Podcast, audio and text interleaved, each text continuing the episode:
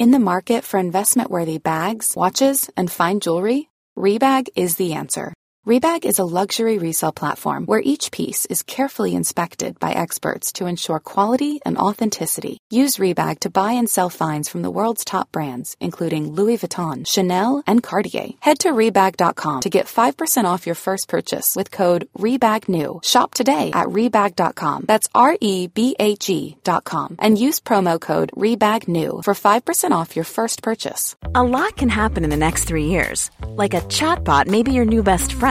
But what won't change? Needing health insurance. United Healthcare Tri Term Medical Plans are available for these changing times. Underwritten by Golden Rule Insurance Company, they offer budget friendly, flexible coverage for people who are in between jobs or missed open enrollment. The plans last nearly three years in some states, with access to a nationwide network of doctors and hospitals. So, for whatever tomorrow brings, United Healthcare Tri Term Medical Plans may be for you. Learn more at uh1.com.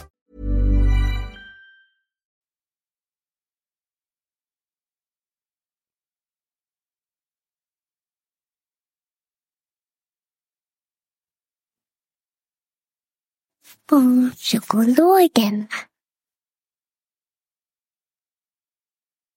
Välkommen till Barnpsykologerna, en podcast med Liv Svirsky och Lars Klintvall. Och idag ska vi prata om postpartumpsykos och det ska vi göra med Julia Werneholm och Tove Tallungs. Välkomna! Tack snälla. Tack. Eh, ni kan väl berätta om du börjar Julia, varför just du är med i det här samtalet? Jag är med för att jag eh, drabbades av postpartum psykos för snart tre år sedan eh, och tycker att det är otroligt viktigt att eh, den som drabbas eller har drabbats inte ska känna sig så ensam som jag kände mig när jag drabbades. Jag tycker att det är otroligt viktigt att vi pratar generellt om hur vi mår när vi blir föräldrar. Men också just om det här svåra tillståndet som det inte pratas så mycket om. Så jätteglad för möjligheten att få vara med. Ja, tack för att du vill vara med. Och Tove, vem är du? Um, ja, uh, jag, uh, jag är också med för att jag har drabbats själv för, uh, för fem år sedan. och precis som Julia så kände jag mig väldigt ensam. Det kändes liksom som att det här nästan inte hänt någon annan. ehm, och eh, jag vill att eh, andra ska känna sig mindre ensamma. Ja, det hoppas vi att det här avsnittet också kan bidra lite till. Ehm, ni är ju med för att berätta om era egna upplevelser, men jag tänker att vi ändå bara kan ge en liten så här, faktaruta i början om vad postpartum psykos är. Ehm, kanske Julia, om du vill börja berätta lite om, om vad det är för något. Um, ja, men absolut. Uh, jo, men postpartum psykos är ju att man drabbas av en psykos i samband med att man får barn eller blir förälder. Ofta ganska snabbt efter, men det kan vara lite längre efter också och det kan uh, hända ju även att man drabbas under graviditeten. Och det är ju, det är ju en psykos, uh, så det kan ju till exempel vara, ja men många slutar kunna sova och blir väldigt uppspidade Um, ens anhöriga tycker att man börjar bete sig märkligt och sen brukar man, många bli eh, liksom mer paranoida eller får hallucinationer eller sådär, blir misstänksamma och ser massa samband överallt. Eh. Och det är ju en akut eh, sjukdom. En akut och en också dödlig sjukdom brukar man ju säga. Så det är jätteviktigt att man får hjälp direkt och att man söker hjälp akut om man misstänker att någon har en psykos. Eh, när, när, man är nybliven förälder särskilt. Då. När du säger akut, vad, vad menar du då? Um, ja, men om man har då, för det, det, är ju ofta så att det är den anhöriga som kanske tycker att man börjar bete sig märkligt. För en själv så känns ju det som att ens beteende är helt normalt. Det är ju eh, så, det är ens egen verklighet. Ehm, men ens eh, partner då till exempel kanske tycker att man beter sig skumt. Och då behöver man alltså, eh, om antingen kan man ju liksom ringa 112 eller åka in till psykakuten eh, beroende på hur det ser ut i ens egen region. Eh, eller om man är osäker och behöver rådgivning så finns det ju ofta nummer man kan ringa direkt för på rådgivning. Men eh, man ska liksom inte vänta till måndag eller vänta till dagen efter utan man söker direkt. För det, det kan gå ganska snabbt och det kan bli värre ganska snabbt. Så. Mm. Och när du säger dödlig, är, vad, lägger du, vad, vad menar du med det? Vad är, vad är det som kan vara dödligt i det? Um, ja, alltså det, det finns ju en del som tar sitt liv helt enkelt. Mm. Det är ju suicid. Just det. Vet man hur många som drabbas? Ja, man brukar säga en till två per tusen. Så ganska mm. ovanligt om man jämför med till exempel förlossningsdepression. Där. Mm. Och vet man varför vissa drabbas? Um, alltså, inte helt. Uh, och man behöver få veta mer. Uh, men mm. sömn och hormoner och sen finns det en viss ärftlighet också, är väl det man vet. Och många visar sig också ha en diagnos i grunden, ofta bipolär sjukdom. Sen har, alltså ofta får man, eller i alla fall inte helt sällan, diagnosen efter att man drabbats. Att det är liksom mm. då man startar en utredning. Så det blir lite lurigt om man tänker att alla har bipolär sjukdom i grunden, utan ungefär hälften har ingen diagnos när man drabbas. Och sen så är det väl ungefär 80-90 procent tror jag som visar sig ha det eh, ja, i längden. Och då är det just bipolär, det är inte schizofreni eller någon annan? Jo, det kan vara schizofreni också, men eh, mm. bipolär sjukdom är ju vanligast. Eh, mm. Det kan säkert vara andra grejer också. Eh. Mm. Hur var det för er då, när det, när det hände er? Eh, för mig så började allting med att jag hade jättesvårt att varva ner eh, och att somna. Eh, två veckor ungefär innan min psykos bröt ut så hade jag sovit ungefär en till två timmar per dygn eh, i två veckors tid.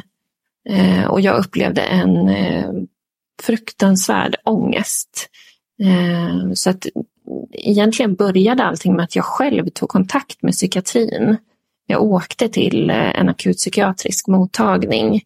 Eh, och väl där så fick jag träffa en skötare som, eh, ja, det blev jätte, jättefel där och då. För att den här skötaren gjorde bedömningen att jag eh, inte skulle få träffa en läkare. Eh, för att han tyckte att jag var alldeles för reko. Som han uttryckte det. Och jag fick åka hem. Och där blev det jätte, jättetokigt för att jag i min lilla, lilla sjukdomsinsikt som jag där och då hade, för att jag hade ju så fruktansvärd ångest och det var det jag liksom där och då kunde sätta ord på. Eh, där och då så fick jag som vatten på min kvarn utifrån att psykiatrin hade sagt då till mig vad jag i mitt huvud hade tolkat som att jag var frisk, att jag var reko, att jag inte hörde hemma där. Eh, så när jag kom hem och skulle berätta för min familj då vad som, eh, vad som pågick inom mig så jag förstod ju inte att jag var sjuk. Jag hade otroligt låg sjukdomsinsikt. Eh, och de förstod ju att jag var sjuk. Men psykiatrin hade sagt att jag inte var sjuk. Så att det blev, redan från början så blev det jätte, jättetokigt. Eh, men allting då eh, handlade egentligen om att jag kände mig förföljd. Jag kände mig extremt rädd. Eh, och vi kunde inte bo kvar hemma eh, där vi bodde utan vi flyttade hem till min mamma. Eh, och situationen bara förvärrades ytterligare. Eh, jag hade enorma raseriutbrott eh, och pendlade jättesnabbt i känsloläget. Från att ha varit jätte låg och eh, dämpad och ångestfylld till att bli jättearg och få raseriutbrott. Um, och alla liksom samtal som fördes hem i, hemma vid, det var som att jag tänkte att allting var riktat till mig. I efterhand har jag förstått det här, att det här kallas för hänsyftningsidéer. Att man kopplar väldigt mycket till att handla om en själv. Eh, och precis så var det för mig. Eh, och jag hade, jag har väldigt mycket minnesluckor från det som hände. Men jag hade väldigt, eh, jag hade väldigt svårt att, eh, att förstå att jag var i, eh, i liksom ett psykotiskt tillstånd. Min familj försökte verkligen förklara för mig att Julia, du är inte dig själv, du mår inget bra, vi behöver få hjälp av psykiatrin. Men min mamma har förklarat det som att jag var, jag var liksom expert på att vara psykotisk på något sätt. För att jag, jag var så pass klok och frisk i min psykos att jag varenda kontakt vi tog med psykiatrin så kunde jag helt lugnt och adekvat förklara eh, för dem vad det var som hände, vilket de trodde på. Eh, alla mina förklaringar, för mina anhöriga fick aldrig följa med in, utan det här var ju mitt under pandemin och de stängdes utanför, så varje läkarbesök eh, vi, vi var på sen under de här veckorna eh, tog jag helt själv med en läkare. Och läkarna förstod inte vad det var som pågick, utan jag lade ja, men i princip i korgen att jag behöver sova. Eh, men min familj tillåter inte mig att sova och jag hade, en, eh, jag hade så många eh, orimliga förklaringar som man är så kritisk till i efterhand att psykiatrin inte fångade upp och förstod eh, att det här är ju helt tokigt. Ehm, och det att mina anhöriga inte fick komma till tals är ju en jätte, jättebrist. Ehm, för att sjukdomsinsikten hos väldigt många som har psykos är väldigt låg. Man kan inte redogöra för sin situation. Det är liksom en del av sjukdomsbilden. Eh, så vid ett tillfälle så hade jag eh, och min man varit ute och åkt eh, i bilen och jag hade tagit tag i ratten och bara skrikit att vi måste åka hem till min syster för att det pågår otrohetsaffärer där. Eh, och vi hade, han hade inte gjort annat än att åka dit. Han var ju skräckslagen såklart eh, och kände inte igen mig. Så jag hade sprungit rakt in i deras bostad och bara rotat igenom hela lägenheten och liksom letat efter någonting. Men eh, hittade såklart ingenting. Eh, och hade efter det bara stormat ut och satt mig i bilen igen och bara tog gråtit. Eh, det här minns inte du själv alltså? Nej, jag har vissa sådana flashar som jag brukar förklara det som från det här att jag står vid någon skåpslucka och river eh, och liksom letar efter någonting. Men vägen dit är väldigt, eh, väldigt diffus. Eh, jag minns också bilresan att jag är väldigt arg. Att jag kan liksom ha ett sånt känslominne av att jag känner mig väldigt, väldigt arg. Ehm. Hur gammalt var ditt barn när det här hände? Han var två och ett halvt två och en halv månad när det bröt ut. Eh, och så vid ett annat tillfälle så hade jag eh, fruktansvärda känslor gentemot min mamma. Eh, hon var, I mitt huvud så var det hon som var sjuk. Eh, det var henne som psykiatrin ville komma i kontakt med och inte mig. Så jag hade bara stått och skrikit till henne att det är hon som har schizofreni. Eh, och bara ja, jag var så rädd för henne. Hon fick liksom inte komma nära mig. Så det var en, massor av sådana här olika situationer som psykiatrin inte såg i och med att allting hände på hemmaplan. Det var som att jag mm. blev triggad av några få personer, alltså mina närmaste personer i livet, min man, min syster och min mamma. Men eh, när vi kom till psykiatrin så var jag helt adekvat. Eh, hur kom du sen under vård då? Hur kom, hur kom du? Hur fick du till slut? Det blev eh, bra till slut. Ehm, och jag tackar gudarna för denna läkare som såg och förstod. Jennifer hette hon. Eh, hon, hon var väldigt lugn och väldigt... Eh, vi var ganska lika varandra. Hon var också ungefär i min ålder. Eh, hon pratade med mig på ett sätt som jag, eh, jag kunde liksom ta till mig och förstå att okej, okay, Eh, hon vill mig väl. Det här, det här eh, det är någonting gott som väntar om jag tar emot den här hjälpen. Jag minns inte precis vad hon sa, men vi har träffats i efterhand och pratat mycket eh, efter att jag blev frisk. Och hon sa någonting i stil med att eh, kan du ge mig några få dagar så kan jag göra underverk för dig. Och det var liksom så här, okej, okay, mm. ja, men är det underverk som väntar, men då kan jag liksom inte tacka nej. Lite sådär. Mm. Eh, så då blev jag inlagd eh, och fick eh, medicinering. Eh, jag fick en litiumbehandling som eh, gav snabb effekt på mig Mm. och hävde liksom det värsta i psykosen. Och sen eh, starka sömnmedel så att jag fick sova. Och mat och samtal och ja, Hur lång tid var du inlagd? det var ungefär en vecka, en och en halv. Så att jag, jag kom på fötter ganska fort. Mm. Så det är jag väldigt tacksam för. Men sen hade jag lång kontakt med öppenvården, psykiatrins öppenvård efter det för att bearbeta allt som hade varit. Så det är väl lite i korta drag vad som hände. Fick ditt barn vara med dig när du var inlagd eller var var? Nej, det fick han inte. Eh, jag har ju varit i kontakt med eh, eh, psykiatrin i Västmanland som det då gäller i efterhand och de har ju eh, erkänt att det här blev tokigt. Det här blev jättefel. Det finns inte riktigt några rutiner för hur man idag tar hand om en hel ammande mamma eh, som behöver psykiatrisk vård. Eh, så det här är en samverkan som vi idag är med och, och arbetar med dem för att ta fram. Vilket känns jätte, jätteviktigt.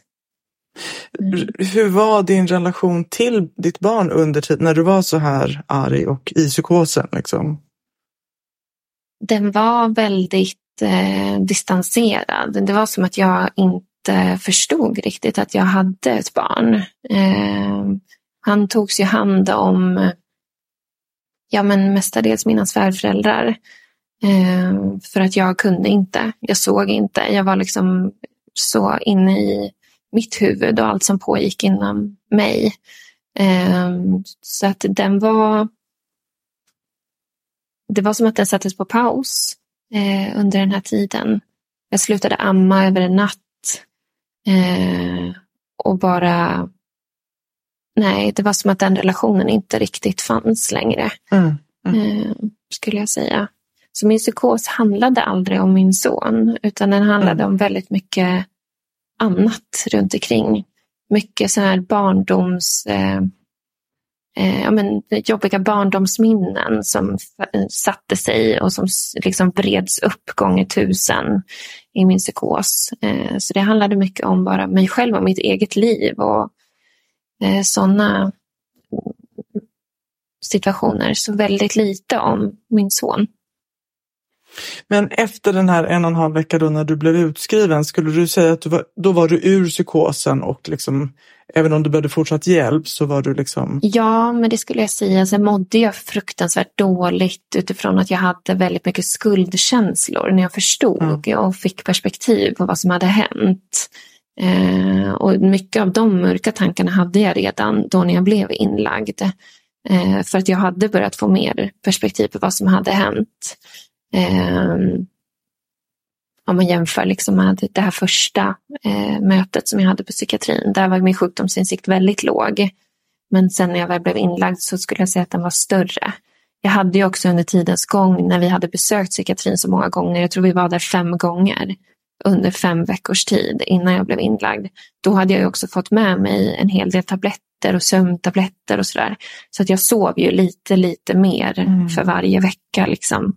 Eh, vilket jag tror också var en del i att jag sen också förstod att jag behövde ta emot hjälp eh, när jag träffade den här läkaren. Då.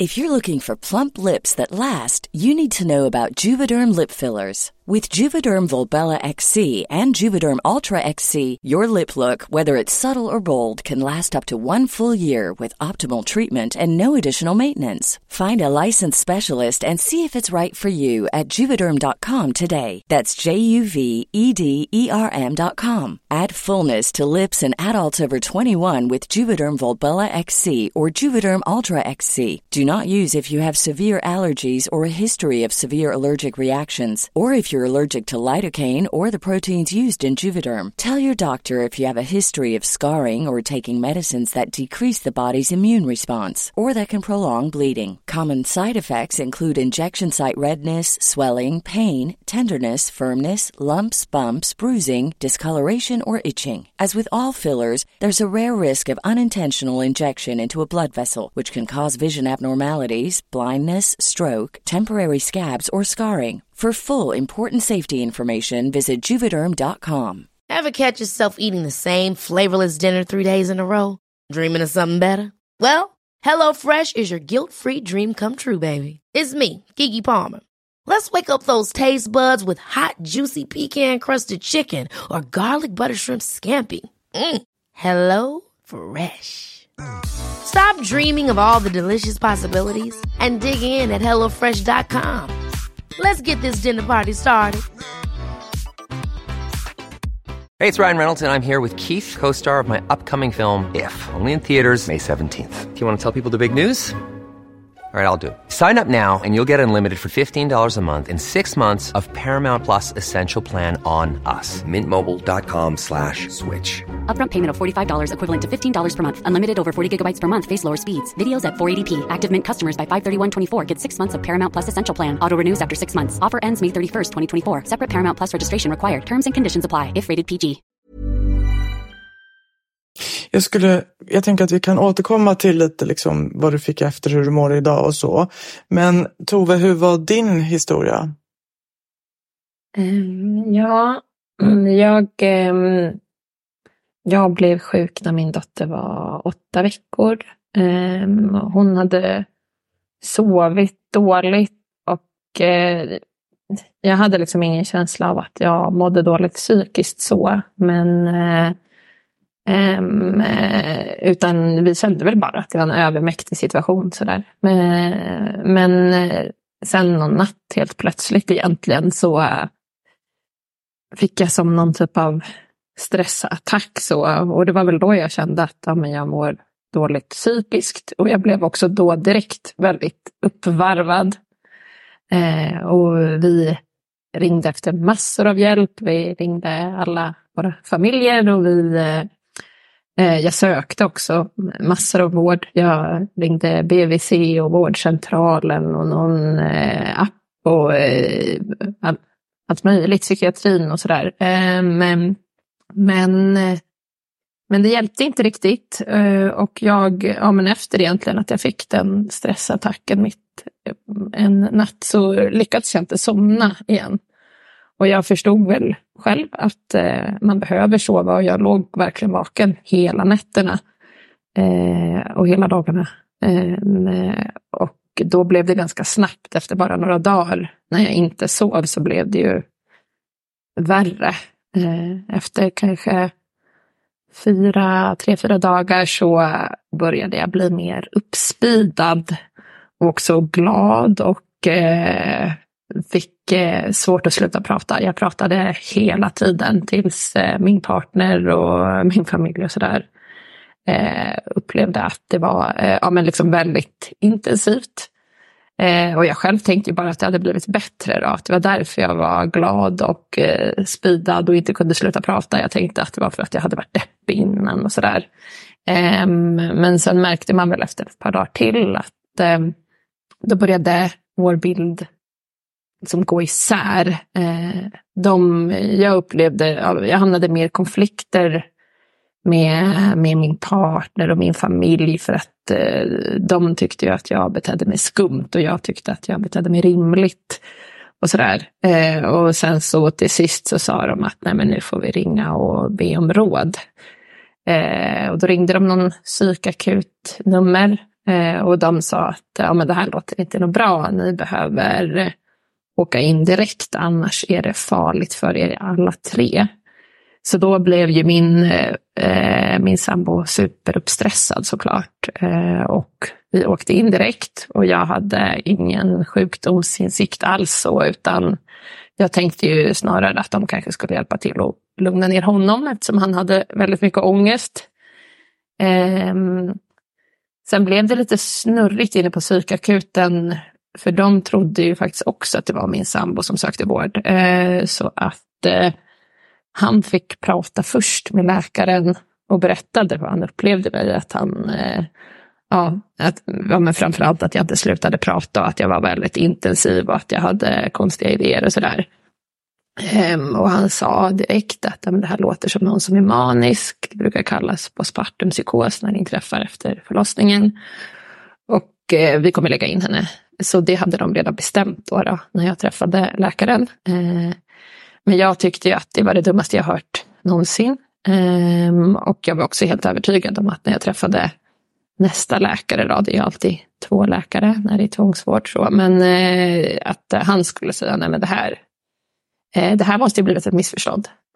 Eh, men det sa han tyvärr inte, utan eh, han sa ju att jag skulle vara kvar och det kändes ju ja, fruktansvärt. Jag, jag var helt övertygad att eh, om jag tog mediciner så skulle jag förlora vårdnaden om mitt barn på grund av något ett långt resonemang som kändes glasklart för mig men som i efterhand, alltså i efterhand är det ju jätterörigt om jag försöker förklara hur jag tänkte men då var det liksom, jag upplevde mig själv som glasklar och jag var helt säker på att det var så. Så jag tyckte att det var skitjobbigt att jag var tvungen att ta mediciner. Ehm, men, men efter ett par dagar med mediciner så hjälpte de väldigt bra och sömnen också säkert. Ehm, så då började jag väl mer inse att jag bara var där för att eh, varva ner. och då, då blev det mycket bättre. Jag var inlagd i elva dagar och när jag kom hem så mådde jag ja, men ganska bra ändå. Eh, vi fick vara hemma då. Jag blev ju sjukskriven så då var vi hemma tillsammans och fick en ganska fin period ändå eh, där vi kunde eh, ja, men bara ta det lugnt och vara tillsammans, vår familj. Så. Eh, men jag tyckte att det var väldigt jobbigt. Liksom. Jag kände mig väldigt ensam i eh, upplevelsen. Eh, det kändes som att eh, det var väldigt svårt att relatera till andra föräldrar. De förstod absolut ingenting och det kändes också som att den upplevelsen som präglade jättestor del av min liksom, upplevelse av att bli förälder, den fanns ju inte i någon annans världsbild. Eh, så det, liksom, det gick inte att läsa föräldraböcker, det gick inte att vara på föräldraforum eller sådär. För att det, det var bara, ja, ja men det, det gick liksom inte att spegla sig alls i det. Um, och det tyckte jag var jobbigt. Och jag hade väldigt svårt att sluta tänka på det som hänt. Det snurrade i mitt huvud i liksom, det var kanske ett halvår innan jag upplevde att jag tänkte, började tänka på andra saker också. Innan tänkte jag nästan bara på det dygnet mm. runt. Hur, hur var det för dig i relationen till ditt barn under den här perioden? Mm, ja, men när det här psykotiska började komma så hade jag liksom en, stark, en väldigt stark bild av att jag ville skydda henne.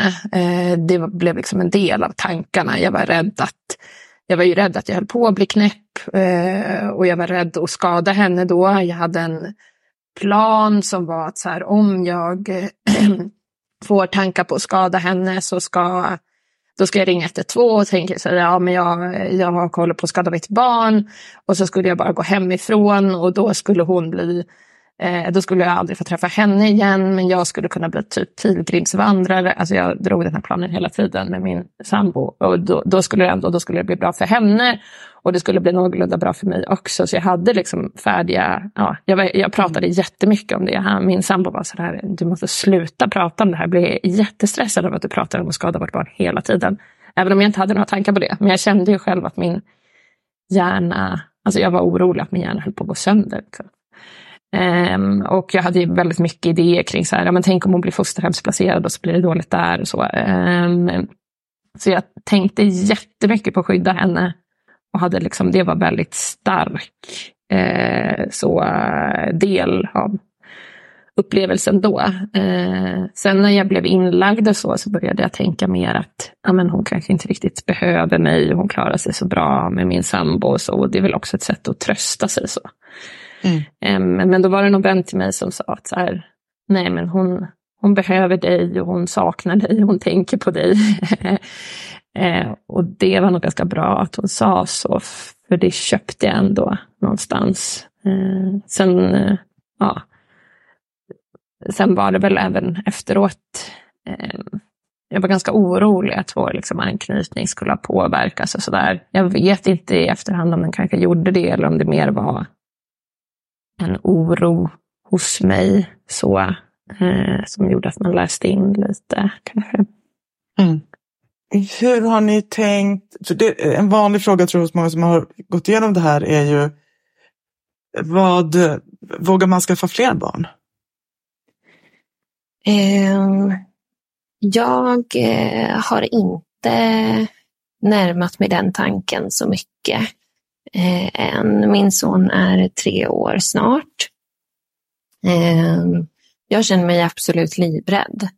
Eh, mm. Det är ju 50 procents risk att man får en ny postpartum psykos, man har haft det.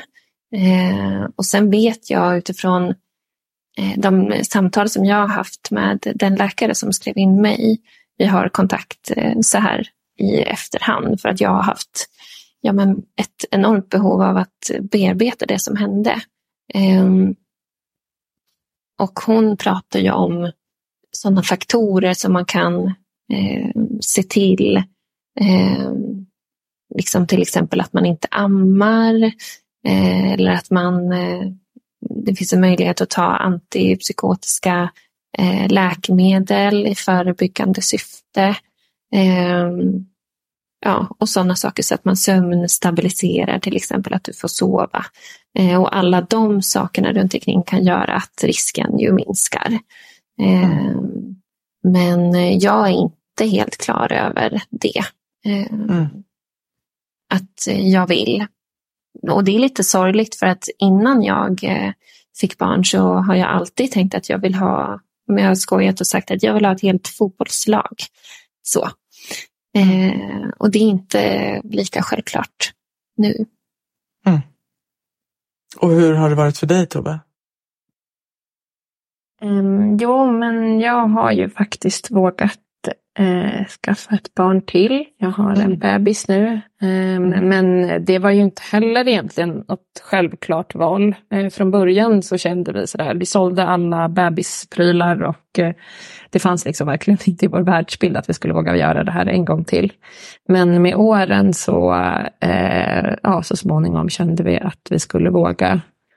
Ehm, men eh, det påverkade ändå mycket. Jag har eh, fyra år mellan mina barn. Eh, och det är ju delvis för att vi eh, ja, men ville att allt annat skulle kännas stabilt innan. Och sen vi sparade ihop massor av pengar så att vi skulle kunna vara föräldralediga tillsammans första tre månaderna. Och det var jätteviktigt för oss, för då visste jag att jag skulle få sova. Eh, så, så att eh, den perioden kom ju att handla väldigt mycket om min sömn.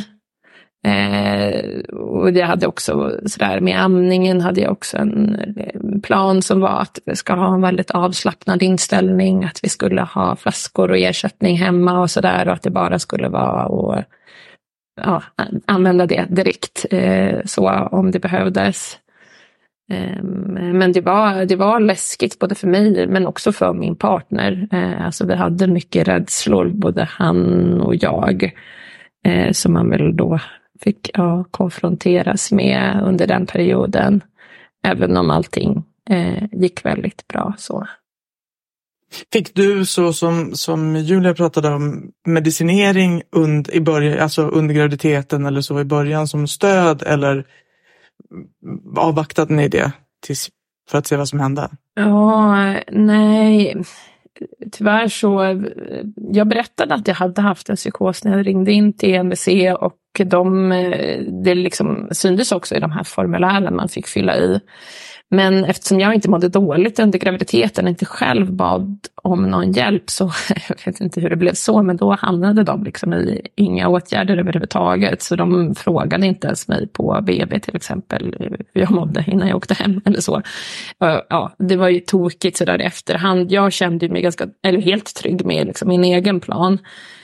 Eh, och också att om jag började sova dåligt så tänkte jag att ja, men då ringer jag bara in till någon akut psykiatrisk linje och så vet jag att jag kan stressa upp dem tillräckligt om jag säger att jag haft en förlossningspsykos för att jag ska få komma in direkt och få sömntabletter. Typ. Så Mm. var min plan. Men, men, så jag var ju inte orolig själv, men i efterhand när jag började tänka på så här, nej men det var ju jättekonstigt att de inte hade någon typ av avställning med mig eller min partner eller så innan vi åkte hem från BB till exempel. De föreslog tidig hemgång och allt möjligt. Så att jag tycker väl att, ja, eh, jag tyckte att det blev väldigt tydligt att de saknade rutiner och också kunskap. För annars borde ju de enskilda personerna även som jag mötte sett att så här, nej men det här är lite tokigt att vi liksom inte har någon typ av Mm. uppföljning på det här. I och med att det är en fruktansvärt hög återfallsrisk. Då. Den är ju 50 procent, så det är ju brutalt högt. Vet man om den här återfallsrisken är för personer som då kanske inte har den här förberedelsen som du beskriver Tove, eller som du också säger att man skulle kunna ha? Är den liksom för en helt obehandlad och oövervakad population eller är det för, för alla? Eh, Jag har förstått det som att det är eh, alltså en, eh, en oövervakad, att eh, ja, om man inte har vidtagit några åtgärder. Mm. Eh, Hur är din uppfattning där, Tove? Um, um, alltså, jag har hört folk säga det. Jag har kanske inte läst det någonstans. Um, så, så jag vet inte, jag vågar nog inte riktigt svara på det. Um, så. Um, Ja. Ni har ju en förening som heter Mamma till mamma. Berätta lite om den föreningen. Det är en organisation som startades eh, 2017. Eh, och jag kom in i organisationen 2021. Och du Tove har funnits med sen, är det 2019? Det stämmer. Ja. Ehm, och vi är ju en ideell organisation som ger stöd till eh, föräldrar, blivande eller nyblivna föräldrar som mår dåligt. Ehm, och det här stödet så får man via våra stödföräldrar. Ehm, så när man hör av sig till oss som stödsökande eh, i ett mejl och berättar att man mår dåligt så matchar vi den stödsökandes behov mot en stödförälder som kan känna igen sig i situationen. Ehm, och det här stödet ges över mejl och man får eh, stöd så länge som man vill och som man känner att behovet finns. Ehm, så det är ju Mamma till mammas kärnverksamhet. Och sen gör vi en herrans massa andra saker. Ehm, men det som vi gör eh, nu mycket, jag och Tove, det är ju att arbeta just mot den här eh, gruppen drabbade av postpartum psykos. Eh, så dels så har vi en stödgrupp ehm, där man kan få komma i kontakt med andra som har drabbats eh, och dela sina erfarenheter och få ge varandra stöd och läka de här svåra upplevelserna. Eh, och det är ett forum. Och sen så kan man även delta i samtalskvällar digitalt och få ses så här över skärmen. Ehm, där man pratar Eh, och berättar om det man har varit med om eller bara lyssnar på andra som vill dela med sig. Eh, Och sen så finns det även en tanke framåt som vi jobbar med och det är att eh, lansera en hemsida med bra information om postpartum psykos. Eh, Dels eh, berättelser från andra som har drabbats så att man får ta del av just berättelser från den drabbades perspektiv och inte det finns ju mycket som man läser om förlossningspsykos som inte riktigt speglar vad det faktiskt är utan det är väldigt mycket så här sensationslystet berättat, skrämmande. Eh, så att vi tycker att det är viktigt att lyfta fram de här berättelserna som faktiskt visar på att det finns hopp om tillfrisknande. Man kan bli en fungerande familj igen om man får rätt behandling i rätt tid. Ehm, och sen tänker vi även kanske att vårdpersonal kan ha behållning av den eh, hemsidan. Och anhöriga då, såklart. Mm. Just det. Ehm, Så det är lite om vad vi gör i Mamma till mamma. Och då hittar man er på Instagram under, på kontot Mamma till mamma. Ja, och sen på vår hemsida mammatillmamma.com. Eh, Det Mm. finns även på Facebook. Vi har också ett viktigt expertnätverk som är kopplat till oss som hjälper oss att kvalitetssäkra information och utveckla organisationen. Det är bland annat en psykiater och en psykolog, en barnmorska finns med, eh, pediatriker, ja, säkert någon mer som jag glömmer mm. nu. Men eh, bra människor som tycker att det här är viktigt. Mm. Viktigt område. Hörrni, jag måste tacka er verkligen, eller måste, jag vill tacka er för att ni ställer upp och berättar så generöst om era upplevelser. Um, verkligen, det är oerhört värdefullt att få höra ert inifrån perspektiv om hur det var. Och det ger ju också lite, tänker jag, ja, men, idéer för vården, hur man behöver ta emot. Men kanske också, hoppas jag, för anhöriga som, som sitter bredvid. Att också få höra och då våga stå på sig att söka hjälp för sin anhörig som inte mår bra. Så, så stort tack! Mm, tack till dig för att vi får vara med. Ja, tack! Och tack till er som har lyssnat. Ett nytt avsnitt kommer snart. Till dess kan ni följa oss på Instagram där vi heter barnpsykologerna understreckare podd och på Facebook där vi heter barnpsykologerna. Tack, hej!